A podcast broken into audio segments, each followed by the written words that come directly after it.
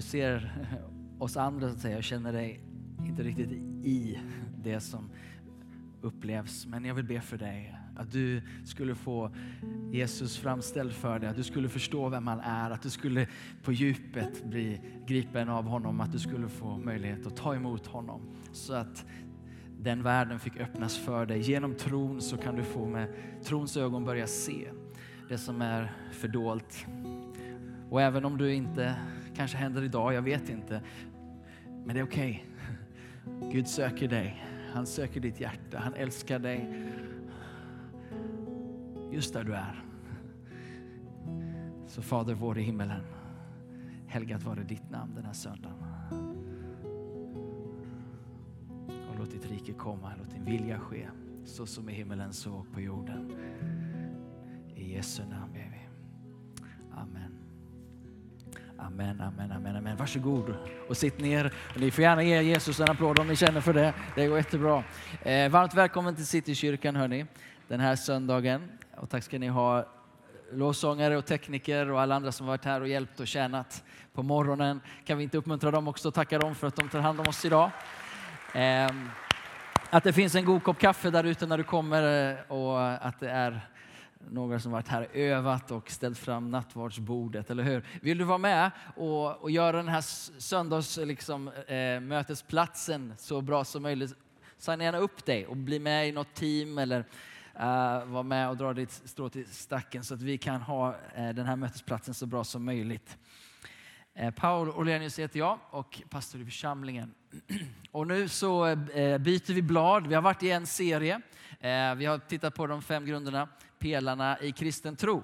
Eh, det kan du lyssna på podcast om du vill. Nu så lutar vi oss in i en av Bibelns böcker, ett av dess brev, nämligen Efesebrevet. Yeah! Uh, varför inte? Eller hur? Uh, det är ju ett helt fantastiskt brev. Um, och um, man skulle vilja ta det vers för vers och götta ner sig. Ehm, men eh, vi har, tänkte jag, fram till advent på oss. Ehm, så den första advent så blir det adventstexter och framåt. Men fram till dess så har vi åtta söndagar på oss. Jag har gjort en disposition på åtta eh, delar av, av, brevet så att säga. Och, eh, så vi kommer att undan för undan ta oss i och igenom detta, denna resa tillsammans i Efesierbrevet. Och det som vi håller oss till har med det som är vår identitet att göra. Vem är jag? Och vem berättar i Efesierbrevet att jag är?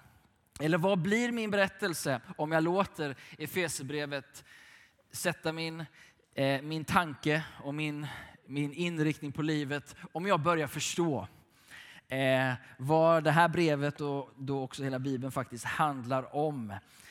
Är det okej? Okay? Eh, ett, eh, jag kommer vi kommer komma ut med en, någon typ av bibelläsningsplan utifrån det, det vill säga att du bara vet vilka verser som vi lutar oss in i söndag för söndag. Den här söndagen är vi i kapitel 1, eh, vers 1 till och med vers 14. Eh, så, så långt hinner vi, hinner vi idag tänkte jag. Låt oss be än en gång för att eh, de här, de här texterna i sig själv utan den heliga Ande Eh, så kommer vi liksom inte så långt. Eh, utan utan heligande idag, den här söndagen samlas vi kring ditt bord. Eh, ditt ord och ditt bord för den delen. Ehm, men vi ber idag om dina, din, din uppenbarelse, precis som Paulus ber för Efeserna, att vi skulle få ett stor, stort mått av visheten, uppenbarelsens ande så vi ser vilket enormt arv vi har, enorm rikedom vi har i Jesus Kristus. Detta enorma berg av en svindlande vision av vem du är och vad vi kan vara i dig. Helige Ande, jag behöver din hjälp idag för att förkunna oss alla att lyssna. I Jesu namn. Amen. Amen, amen. Okej, okay, så det är bra att ha med sig Bibeln eh, varje söndag, men särskilt de här söndagarna. Eh, du kanske har det i appen eh, eller i, i, i pappersform. Det är alltid gött att bläddra lite och jag gillar att, att göra mina små anteckningar. Kan vi läsa de här verserna rakt upp och ner först? Ehm, och så bryter vi ner det här undan för undan. Så här står det från Paulus. Detta är ett brev från Paulus som genom Guds vilja Kristi Jesu apostel, till de heliga som bor i Efesos och tror på Kristus Jesus. Nåd var det med er och frid från Gud, vår far och Herren Jesus Kristus. Välsignad är vår Herre Jesu Kristi Gud och Far som i Kristus har välsignat oss med all andlig välsignelse i himlen. Han har utvalt oss i honom före världens skapelse till att vara heliga och fläckfria inför honom. I kärlek har han förutbestämt oss till barnaskap hos honom genom Jesus Kristus efter sin goda viljas beslut till ära och pris för den nåd som han har skänkt oss i den älskade. I honom är vi friköpta genom hans blod och har förlåtelse för våra synder. Tack vare den rika nåd som han har låtit flöda över oss med all vishet och insikt. Han har låtit oss få veta sin viljas hemlighet enligt det beslut han har fattat i Kristus. Den plan som skulle genomföras när tiden var inne att sammanfatta allt i himlen och på jorden. I honom har vi också fått vårt arv förutbestämda till det av honom som utför allt efter sin viljas beslut. För att vi som först har satt vårt hopp till Kristus ska bli till hans ära och pris. I honom har också ni, när ni hörde sanningens ord, evangeliet om er frälsning, i honom har också ni, när ni kom till tro, fått den utlovade helige ande som ett sigill. Anden är ett förskott som garanterar vårt arv, att hans eget folk ska befrias till hans ära och pris. Det är Guds ord. Eh, och det här, jag vet inte riktigt om det liksom bara bubblar i dig. Eh, men, men det här är helt fantastiska ord alltså, som bär en enorm verklighet för dig och mig. Ehm, och det finns, ehm, jag kanske ska säga någonting bara om brevet innan jag eh, hoppar in i verserna. Att det skrevs av Paulus har vi sagt. Eh, och min lilla bild här handlar om att man pratar om det som Nya testamentets alptopp eller alp eller Grand Canyon eller eh, Mount Everest. Det är någonting i Nya Testamentet som bygger upp liksom till ett Efesebrev som står där mitt i Nya Testamentet. Här i uppenbaras universums hörnsten och epicentrum, Jesus Kristus. Paulus skriver detta brev från sin fångenskap i Rom, det vill säga i slutet av hans liv, någonstans år 60-61. Så han är en erfaren missionär, församlingsplanterare, församlingsledare. Han har ett bra skop över hur församlingen ser ut, hur den har varit och det han själv har planterat. Och nu skriver han ett brev tillbaka till en församling som är väldigt, väldigt kär för honom.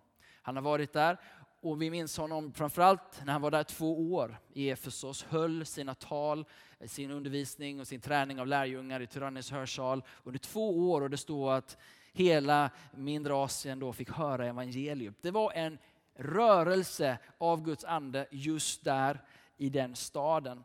Ehm, som för övrigt var då en, en stor stad, en av huvudstäderna i imperiet, romarriket och ett centrum för kultur, och avgudadyrkan och kunskap och allt sånt. Um, och eh, vi får det här brevet till de här kristna som vi också förstår att han älskar. I Apostlagärningarna kapitel 20 när Paulus tar farväl av den här församlingen så gråter han. Och de med honom. De har en väldigt stark, eh, starka band med varandra. Det är liksom det, det, det är lite pappa och son relation till den här församlingen. Och nu sitter han själv fängslad. Nu sitter han själv under lupp och, eller någon soldat som sitter och tittar på honom där. Och utifrån ett fängslat tillstånd så målar han den här fantastiska visionen om dels vem du är, det är först vem Kristus är, vem du är och vad församlingen kan vara. Ehm, och det är de delarna som vi kommer att beröra naturligtvis. då. Um, det är två delar i det här brevet. De första tre kapitlen målar teologiskt stort och brett, den stora bilden. De tre, tre sista kapitlen, 4, 5 och 6, tillämpas sedan de här kapitlen och visar på hur ett liv i och med Kristus blir annorlunda och hur vi lever våra relationer, ett andefyllt liv. eh, tillsammans. Och även hur vi kan få vara med och, och vara en del av Guds eh, arbetande armé, att utbreda riket Eh, och den strid som vi står i. Lite sådär skissigt. En annan skiss som man kan titta på i Efesierbrevet är att han uppehåller sig först i vilken position vi är i Kristus, vem vi är.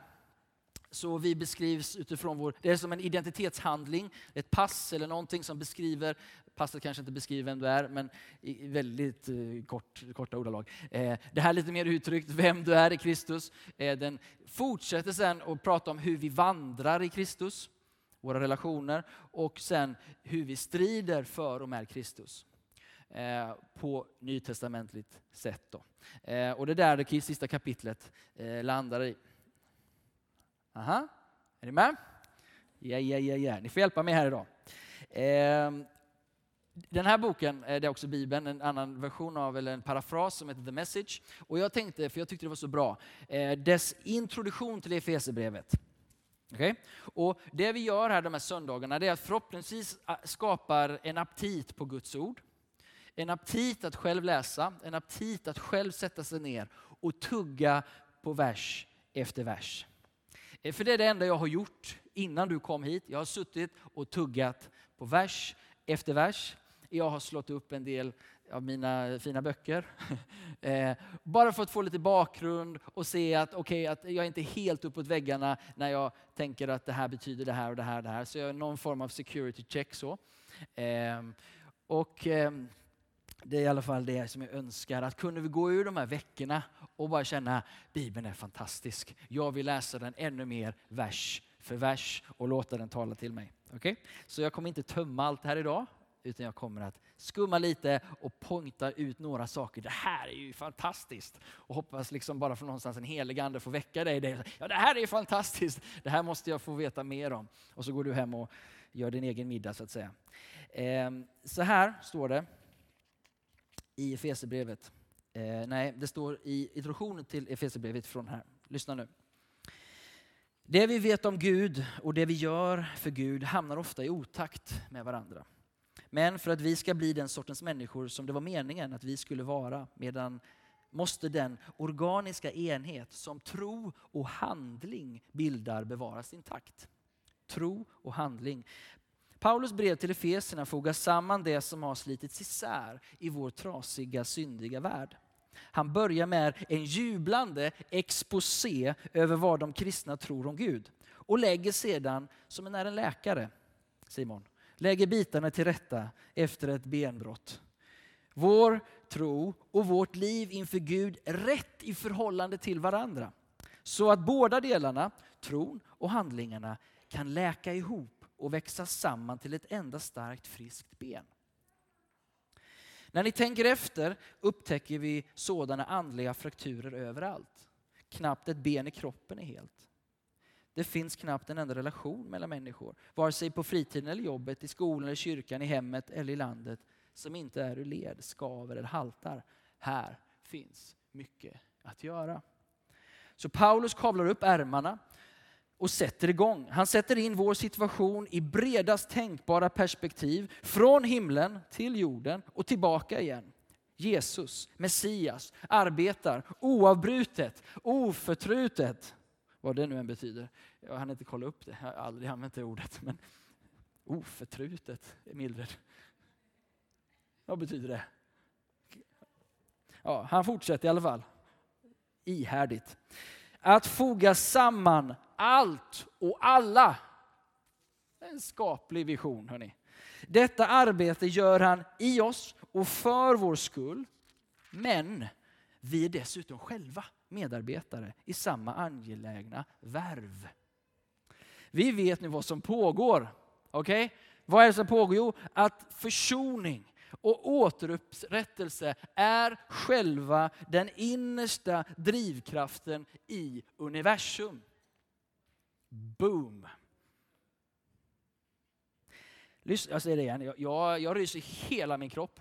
För det är som att Jesus och hans försonande verk, evangelium till sin yttersta spets, jobbar för att försoning och återupprättelse ska ske och är själva den innersta drivkraften i universum, då måste vi kasta oss in i det arbetet med full kraft och uthållighet i övertygelse om att minsta lilla detalj och våra liv, i våra liv bidrar till eller lägger hinder i vägen för det.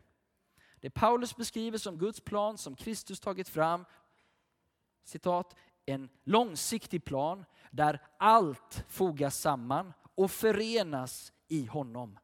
Allting i himmelens höjd och allting på jordens rund. Och det är det här som Efesebrevet är ute efter att beskriva, tänker jag.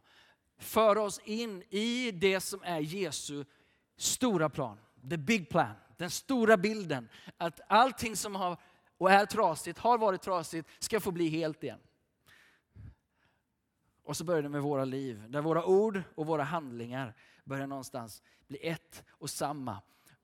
Så att våra egna ben, våra egna hjärtan inte är brutna utan hela. Försoning i våra relationer, försoning i våra familjer, försoning på våra arbetsplatser, i våra fritidsområden eller vad vi än håller på med för någonting. Försoning genom allt och för allt. Det är den stora visionen och det är den stora utmaningen. Det är det han sätter oss in i. Att arbeta tillsammans med honom för i den här världen. Och Det som blir texten här nu då, om man, om man läser den och om man har läst den som, som jag har gjort lite grann nu, det försöker märka in ord som återkommer. Hela den här satsen, 14, 11 eh, meningar, 11 verser, är en enda lång mening i grekiskan. Han bara Välsignad vår Herre Jesus Kristus, Gud och Fader, som är Kristus och så bara kör han på. Men liksom, det är någonting han, han bara skickar in här. Och det, det, man får ju studera lite grekisk litteratur för att förstå vad är han håller på med. Eller judisk förståelse. Men det är egentligen en hymn. Det är egentligen någonting som, hymn ska jag inte säga, men det är en, en orsak till lovsång och pris. Det här är tänkt att föra församlingen in till hans ära och pris. Alltså det här är någonting som han sätter in i våra hjärtan så att det gör oss eh, lite svindlande. Ungefär som att stå och titta på ett högt berg, eller för en del titta ner från ett högt berg. Båda sakerna kan göra en svindlande. Liksom bara, ja. Och tänka på att jag ska gå upp där, eller är där uppe och ska gå ner. Den svindlande känslan till hans ära och pris. Tre gånger i den här texten säger han dan, dan, dan, till hans ära och pris. Dan, dan, dan, dan, till hans ära och pris. Dan, dan, dan, dan, till hans ära och pris. Syftet med det han beskriver, syftet med den här boken, brevet, är till hans ära och pris. Som Alfred och jag predikade de två senaste gångerna om att allting syftar till hans ära och pris. För vi Allting kommer av honom, vi lever genom honom och är på väg till honom. Och det är precis så i den här texten också. Till hans ära och pris. Och det är något annat som återkommer. Och jag, jag tar de här liksom inledande grejerna för sen ska vi snabbt raska oss igenom det här. Men det är något annat som är genomgående om du, om du börjar ringa in ord. Och det har med det här att göra. Lyssna nu. Han säger så här, han har utvalt oss före världens skapelse, förutbestämt oss. Han har gjort det enligt sitt viljas beslut. Sin hemliga plan har han verkställt efter sin viljas beslut. Före världens skapade. Så det är någonting i de här elva verserna som talar om för mig att han har börjat. Innan någonting var synligt så hade han en plan. Han såg någonting och han skapade någonting. Och han, vad ska jag säga, sammanfogade här allting i någonting. Som sen skulle resultera till hans ära och pris. Så allting som sker här borta innan världen skapade, till hans ära och pris. Det är allt, hela den här verkligheten det är i Kristus. Allt det som börjar i den stund Gud gör det synliga tillgängligt, skapelsen, till slutet av allting. Förstå mig, jag hoppas du kan förstå det. här. Att allt detta är i Kristus. Det är det här berget du ser liksom på den här bilden. Allt detta våldsamma, det är i Kristus. Så när vi sjunger ut vår kärlek till Jesus, så sjunger vi inte ut det till en liten idé. liksom. Eller en liten person som vandrade här för 2000 år vi, vi sjunger ut vårt lov och vår pris och vår ära till honom som innefattar allt i universum. I honom finns allt det här som han innan världens grund planerade och som sen ska bli till hans ära och pris. Allt det är i Kristus. Så när vi säger Jesus, då säger vi ganska mycket. För i honom, av honom och till honom är allting i den här tidsåldern som vi nu pratar om. Allt det som beskrivs framgent här nu, 11 verser. Är ni med nu? Så tickar vi oss igenom där. Torbjörn? Och här var någon bild också. Perspektivet skiftar när jag inser vem jag är i Kristus. Det Kristusstatyn i Rio. Anyhow, vi går vidare. Så här säger han då. Välsignad är vår Herre Jesu Kristi Gud och Far som i Kristus har välsignat oss med all andlig välsignelse i himlen. Det är så han börjar. Och det är ungefär som att säga, okej, okay, kyrka, troende, nu har du Jesus, då har du allt det här. Allt detta som är i himmelen, allt det som finns hos mig, finns nu i Jesus för dig i den här världen. Gå vidare. Och vad är det då som finns i honom? Och då är det några ord som, som vi ska bara ta här. Du är utvald. Han har utvalt oss i honom. Och det som är intressant är att han har gjort det före världens skapelse. Innan du blev skapad så var du redan funnen i honom. Mindblowing. Det här, är ju liksom, det, här, det får ju en att liksom tänka lite. Men det är ändå så Paulus beskriver det här. Han beskriver oss som förankrade i Gud. Innan du blir till så har du ditt hem i honom. Och i honom så är du förutbestämd att stå fläckfri och helig. Fläckfri och helig inför honom. Gå vidare, du är utvald, du är ett älskat barn. I kärlek har han förutbestämt oss till barnaskap hos honom genom Jesus Kristus efter sin goda viljas beslut. Och här kommer det, till ära och pris. För vad då? Jo, den nåd. Och i vår bibel 2015 eh, eller vad det är, ehm, så står det, har skänkt oss i den älskade. Och det som står där, det är egentligen att han har gett nå, ehm, den nåd han har benådat oss med. Eller den nåd han har favoriserat oss med.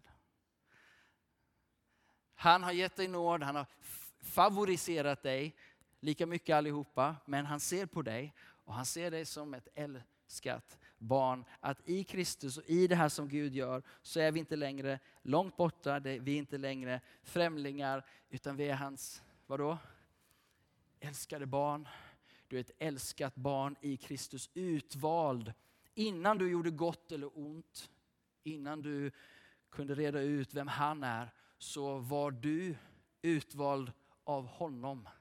Att bli funnen i honom och återinsatt som ett barn till honom. Fläckfri och helig. Det har Jesus gjort för dig. Om du finns här idag och inte fått uppleva det, eh, så är det din dag idag att få göra det. Att ta emot honom, att få bli ett Guds barn genom Jesus. Om vi går vidare, älskat barn och i och med det så har vi fått nåd och förlåtelse. Och varje vers, vilket också är intressant, i varenda vers, som, eller varenda liksom påstående, så står det i honom i Jesus. Jag har rödmarkerat det. Varenda vers, jag vet inte hur många gånger jag har inte räknat, men i varenda påstående, om det handlar om att du är utvald, ja då är du i Jesus. Om det handlar om att du är ett barn, ja då handlar det om att du är det i Jesus. Om du har fått nåd och förlåtelse, vad har du det? I Jesus. Eh, om vi går vidare, så kan vi bara se här, den plan som skulle genomföras när tiden var inne, att sammanfatta allt i himlen och på jorden. Hur då? Hur ska Gud lyckas foga allting samman? Jo, i Jesus.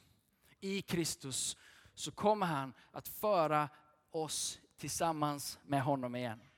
Sammanfatta står det i svenska, ehm, men det står ordagrant förena.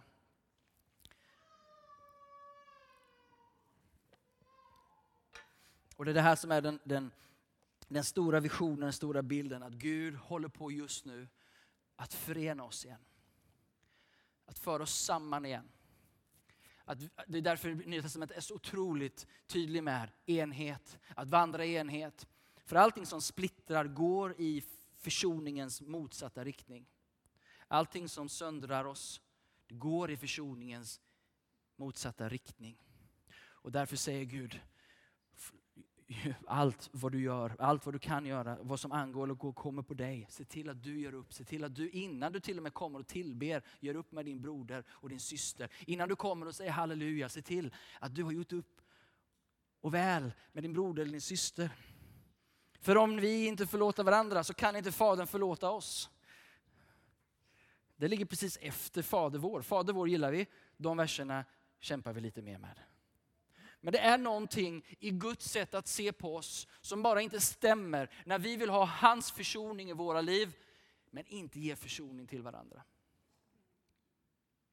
Det är som att det bara, du, du, jag vet inte hur jag ska, du häller ner vatten i eh, tanken på något sätt, va? i bilen. Va? Du bara häller ner helt fel grej i maskineriet. Du byter ut oljan mot vatten. Det, bara, det går inte. Det går inte. Varför? Därför att hela Guds stora vision är att föra oss samman igen. Att vi ska leva i försoningen. Poängen med Jesus är ju försoning. Poängen med Jesus är att Gud försonar oss med sig själv så att vi kan försona oss med varandra. Poängen är att vi ska få leva i frid med varandra. I fred med varandra. Eller hur?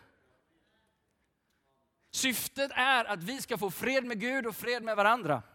Frid med Gud och frid med varandra. Och därför så funkar det inte att komma till nattvardsbordet och samtidigt ah, leva i strid och i ofrid och oförsonlighet.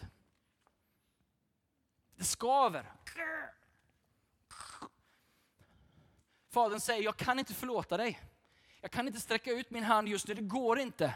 Det är någonting i den här ekvationen som är bara motsatser. Och som jag sa till bibelskolan i veckan, handlar det om ditt barnaskap? Handlar det om att aha, nu har du lite oförsonlighet runt omkring dig? Det är någon som du har lite jobbigt med. Så därför så har Gud cancellerat barnaskapet och bara säger, you're on your own. Har du den teologin så kan vi prata sen. Det är för mig helt, det går inte. Och det är ju en teologi vi ärvt, liksom, att aha, har, du, har du gjort upp på vägen nu, liksom, för annars går du till helvetet. Nej! Jag hinner inte reda ut det riktigt nu. Men ditt barnaskap vilar inte på hur väl du förlåter, utan hur väl han förlåter. Okay? Din identitet i honom bygger inte på hur väl du kan reda ut dina relationer. Bara ponera att du har en person som har utsatts för fruktansvärda brott. Har du någon som har blivit kanske våldtagen eller våldförd på, eller någon, ett barn som har förlorat sina föräldrar och, och har lite kamp och kämpar med att förlåta. Då kan vi inte ha en teologi som säger att ja, du måste vandra fläckfritt för att han ska kunna ta emot dig. Du måste förlåta, för annars kan inte Fadern förlåta dig. Se, det står här i Fader vår. Ja, men kom igen. Vi måste ju liksom tänka lite längre. Vi måste kunna se lite mer. Jag tror, min bild, jag tror att vi i, i, i vårt barnaskap, det har ingenting med hur du vandrar, hur väl eller illa. För poängen var att du var utvald i honom innan du gjorde varken gott eller ont. Poängen var att du från världens grund skulle bli funnen i honom och funnen helig och fläckfri. Du skulle inte bli funnen helig och fläckfri genom att ta emot honom och sen vandra heligt och fläckfritt och då bli upptagen. Ditt upptagande som son händer långt innan, eller dotter långt innan. Okej, okay? så min, det jag liksom verkar lite kring den här, i den här texten, det har med det här med försoning att göra. Och hur, hur långt Gud går i sin utmaning till oss. Att förlåta varandra. Att förlåta varandra. Och, och, och, man skulle kunna lägga det på det själavårdande planet utifrån att den som inte förlåter Eh, bygger sitt eget fängelse. Men om vi inte går den själavårdande delen utan bara den, vad ska man säga, den uppenbara, eh, både gudsfruktan och vad som är kanaliserar liv så måste vi förlåta. Förstår du vad jag säger? Alltså det, det, det, det, går inte i Guds ekonomi, det går inte i din ekonomi, det går inte i våra liv. Det här är A och O. Varför? Därför att hela hans frälsning, hela hans plan, hela hans syfte ligger i försoning. Förlåtelse är icke förhandlingsbart. Ja, men den har gjort det här och den. Och jag, på det själavårdande planet så måste man liksom prata och fundera och, och hjälpa varandra. Men på, på, på, det grundläggande planet så är det inte förhandlingsbart. För, din, för ditt hjärtas skull, absolut. Men för Guds skull, för hans ära och pris skull. För att det som är liv och Guds fruktan ska kunna flöda igenom. Och Guds fruktan handlar inte om att vara rädd för Gud, utan att släppa in hans väsen, vem han är. Hans kärlek, hans frid, hans liv. Och om vi, om vi backar till vers 7 här så står det något som hjälpte mig för många år sedan. Um, Efesierbrevet har påverkat mitt liv väldigt mycket. Det är en, väldigt mycket i min berättelse speglat här. Men här står det så här, i honom är vi friköpta genom hans blod och har förlåtelse. Har förlåtelse. Hur har du förlåtelse? Jo, när du börjar och tro på Jesus, då är förlåtelse något du har. Det är någonting vi ber om, Gud, absolut. Men det är någonting som är oss givet. Det är någonting som är över oss i våra liv. Inte för att missbrukas naturligtvis, inte för, för det förstod vi utifrån den andra ekvationen att Gud, Fadern förlåter inte om inte vi förlåter. Så det har med något annat att göra. Men poängen är den här tänker jag. Att jag inte behöver fundera på kommer Gud förlåta mig? För han har redan i Jesus Kristus gett förlåtelsen. Hänger du med? Han visar på ett liv i försoning. Han visar att, att han förlåter bygger inte på att vi bönar och ber. Han har redan förlåtit. Han har redan sagt, du är förlåten. Men det är för din egen skull som du behöver komma och säga förlåt mig. För att bli kvitt av din skuldkänsla, bli kvitt av det som har angripit ditt hjärta. Men inte för att bli förlåten om jag använder den här bibeltexten på det sättet. Du har förlåtelse, det vill säga någonting som är dig givet och som är dig tillgängligt. Som du får ta emot. Är ni med? Du har förlåtelse. Tänk, jag skulle vilja att du fick in det i ditt system. Det är någonting som har skett nämligen. Han la hela syndaskulden på sig själv. Varför kan det vara så? Jo, därför att om vi backar tillbaka här så ser vi att den här kärleken, ehm, eh, om vi backar tillbaka en, en till, älskad, i kärlek har han förutbestämt oss till barnaskap hos honom genom Kristus Jesus efter sin goda viljas beslut till ära och pris för den nåd som han har favoriserat oss med i den älskade. Alltså det är någonting som han har öst över dig. Fortsätt nästa igen här då. Vad är det för nåd? Jo, det är den här nåden som han har favoriserat dig med. Det är en nåd som gör att du genom hans blod, varje gång det står blod så pratar du om hans kors. Att det korset har gett dig och mig förlåtelse för vad då? Jo, våra synder. Allt det som skulle kunna skilja oss från honom. Men tack vare vad då? Jo, den rika nåd. En nåd som öser över oss. Så att vi blir visa och får insikt. Och genom den så har han låtit oss få veta sin viljas hemlighet enligt det beslut som han har fattat i Kristus. Nåd och förlåtelse återförenade. Och två sista sakerna innan vi avslutar. Arvingar. Vi har i, i honom, igen, i honom har vi fått vårt arv förutbestämda. Nu kommer det igen, förutbestämda. Innan du och jag han välja, innan du och jag han tänka och försöka få, få reda på vad som gäller, så har han gjort någonting. Han har gjort det innan du var på banan. Och vad är det han har gjort? Jo, han har gett dig sitt arv. Förutbestämda till ett arv i enlighet med sin viljas beslut för att vi som först har satt vårt hopp till Kristus ska bli till hans ära och pris. Du har fått ett arv. Och det är det, om man, om man, om man kopplar bort barnaskapet, eh, om man ser två sidor av frälsningen. Du har barnaskapet och så har du ditt arv. Först blir du ett barn och sen så deklarerar han, nu är du arvtagare. Och precis som det är i den förlorade sonens berättelse så är han son hela vägen, men han slarvar bort sitt arv. Och det är den biten som vi kan riktigt strula till det i våra liv. Men han vill lyfta blicken och säga att ni har fått ett arv. I honom har ni fått någonting att ta hand om. Um, och nästa del, anden. I honom, igen, i honom har också ni, när ni hörde sanningens ord, evangeliet om er frälsning. Och det är så intressant att i honom har också ni, han upprepar sig. Han, I honom har ni också. Och så säger han något, och i honom, han betonar någonting. När ni kom till tro så har ni fått den utlovade helige ande som ett sigill. Anden är ett förskott som garanterar vårt arv, att hans eget folk ska befrias till hans ära och pris.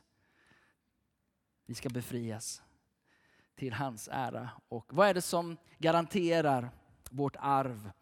Och vad är vårt arv? Det hinner vi inte gå in på idag, men det kan du fundera på i din egen bibelstudie tid. Vad är det för arv? Det står ganska mycket om det i Nya Testamentet. Arvet som vi ärver i Kristus. Vi är Kristi medarvingar. Vad är det vi ärver? Det som den här texten talar om för oss det är att det är anden som garanterar vårt arv. Och tittar man på det så är det som att Gud han går in och lägger eh, handpenningen på våra liv.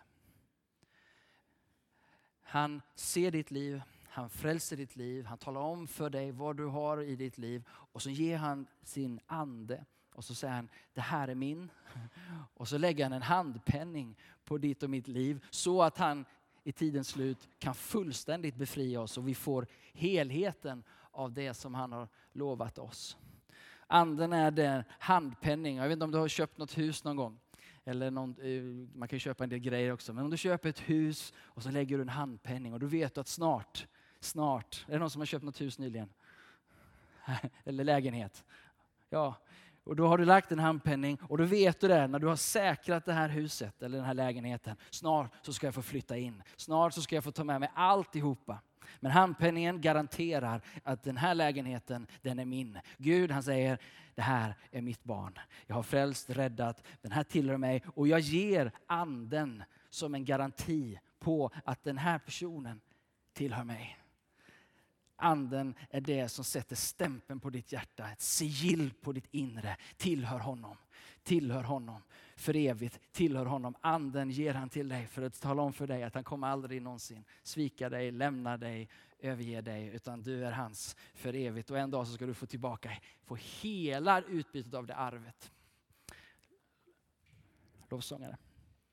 Och ni som ska känna vid nattvarden kan få gå ut och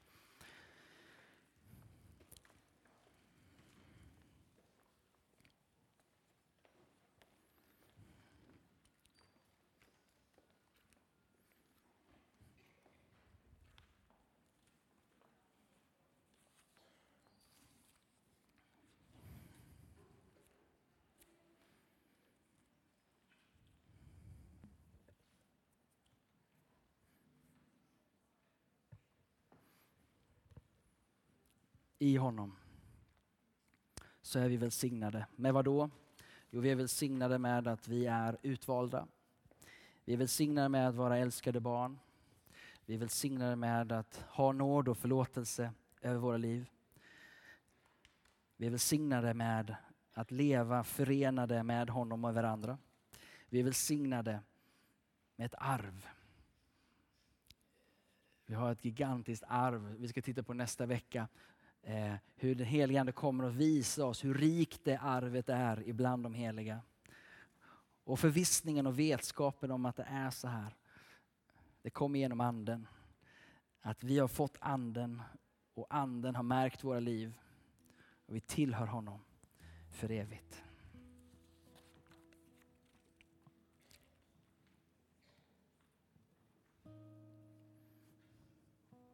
Och när vi ska gå in i nattvarden idag så tänkte jag att vi ska göra det utifrån vetskapen om att Gud har äh, märkt dig med, med sin ande. Han har liksom lagt en, en handpenning in i, in i dig. Och nattvarden är en påminnelse om och en möjlighet för oss att förankra oss in i honom. Det står så här i instiftelseorden. Alfred kan gärna få spela lite.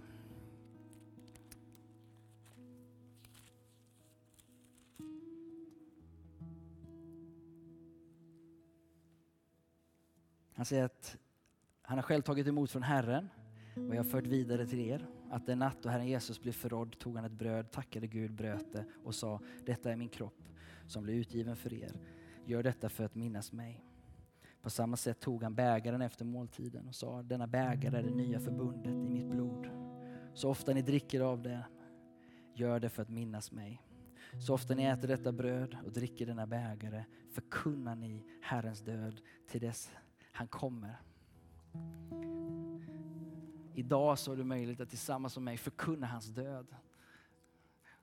Och hans död står för allt det som du har fått i honom idag. Om han har förankrat sig i dig genom sin ande så kan du idag få förankra dig själv i honom genom nattvarden. Hänger du med? Att det här brödet som du kommer att få i sig självt tror inte jag att det har någonting i sig. Men när du sätter din tro till och förankrar dig själv in i hans löften, in i Kristus och säger att jag vill att mitt liv ska vara i Kristus. Jag vill att mitt liv ska vara till hans ära. Jag vill att mitt liv ska levas utifrån att jag är utvald, att jag är ett älskat barn, att jag lever i nåd och förlåtelse. Jag vill leva ett liv i försoning. Jag vill leva ett liv utifrån det arv som jag har fått av honom. Jag vill leva ett liv i den helige Ande. Att den här nattvardsstunden så kan du förkunna, tala om vart ditt liv är märkt med och vad ditt liv är fäst vid.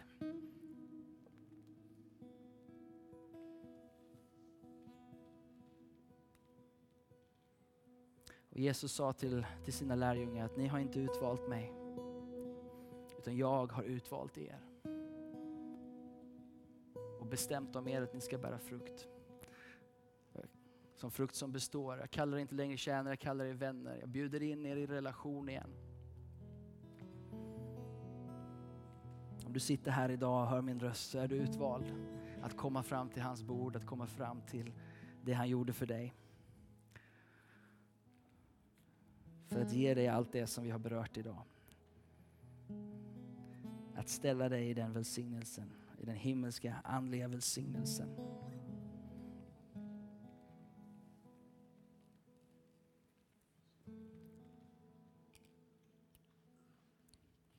Jesus han tog ett bröd och han bröt det.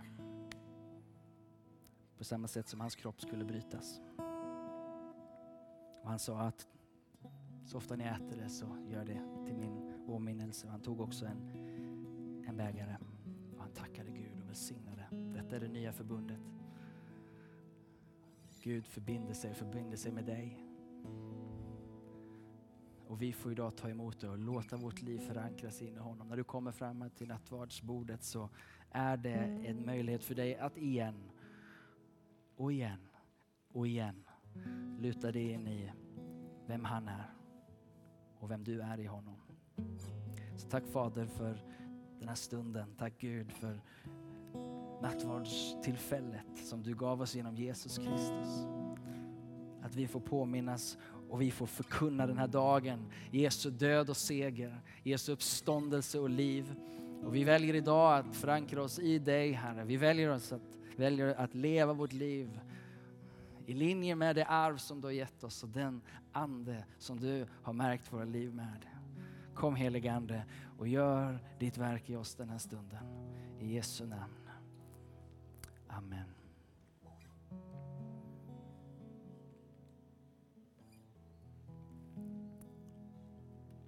Amen. Vi kommer göra så här att vi har, ni kan ta eh,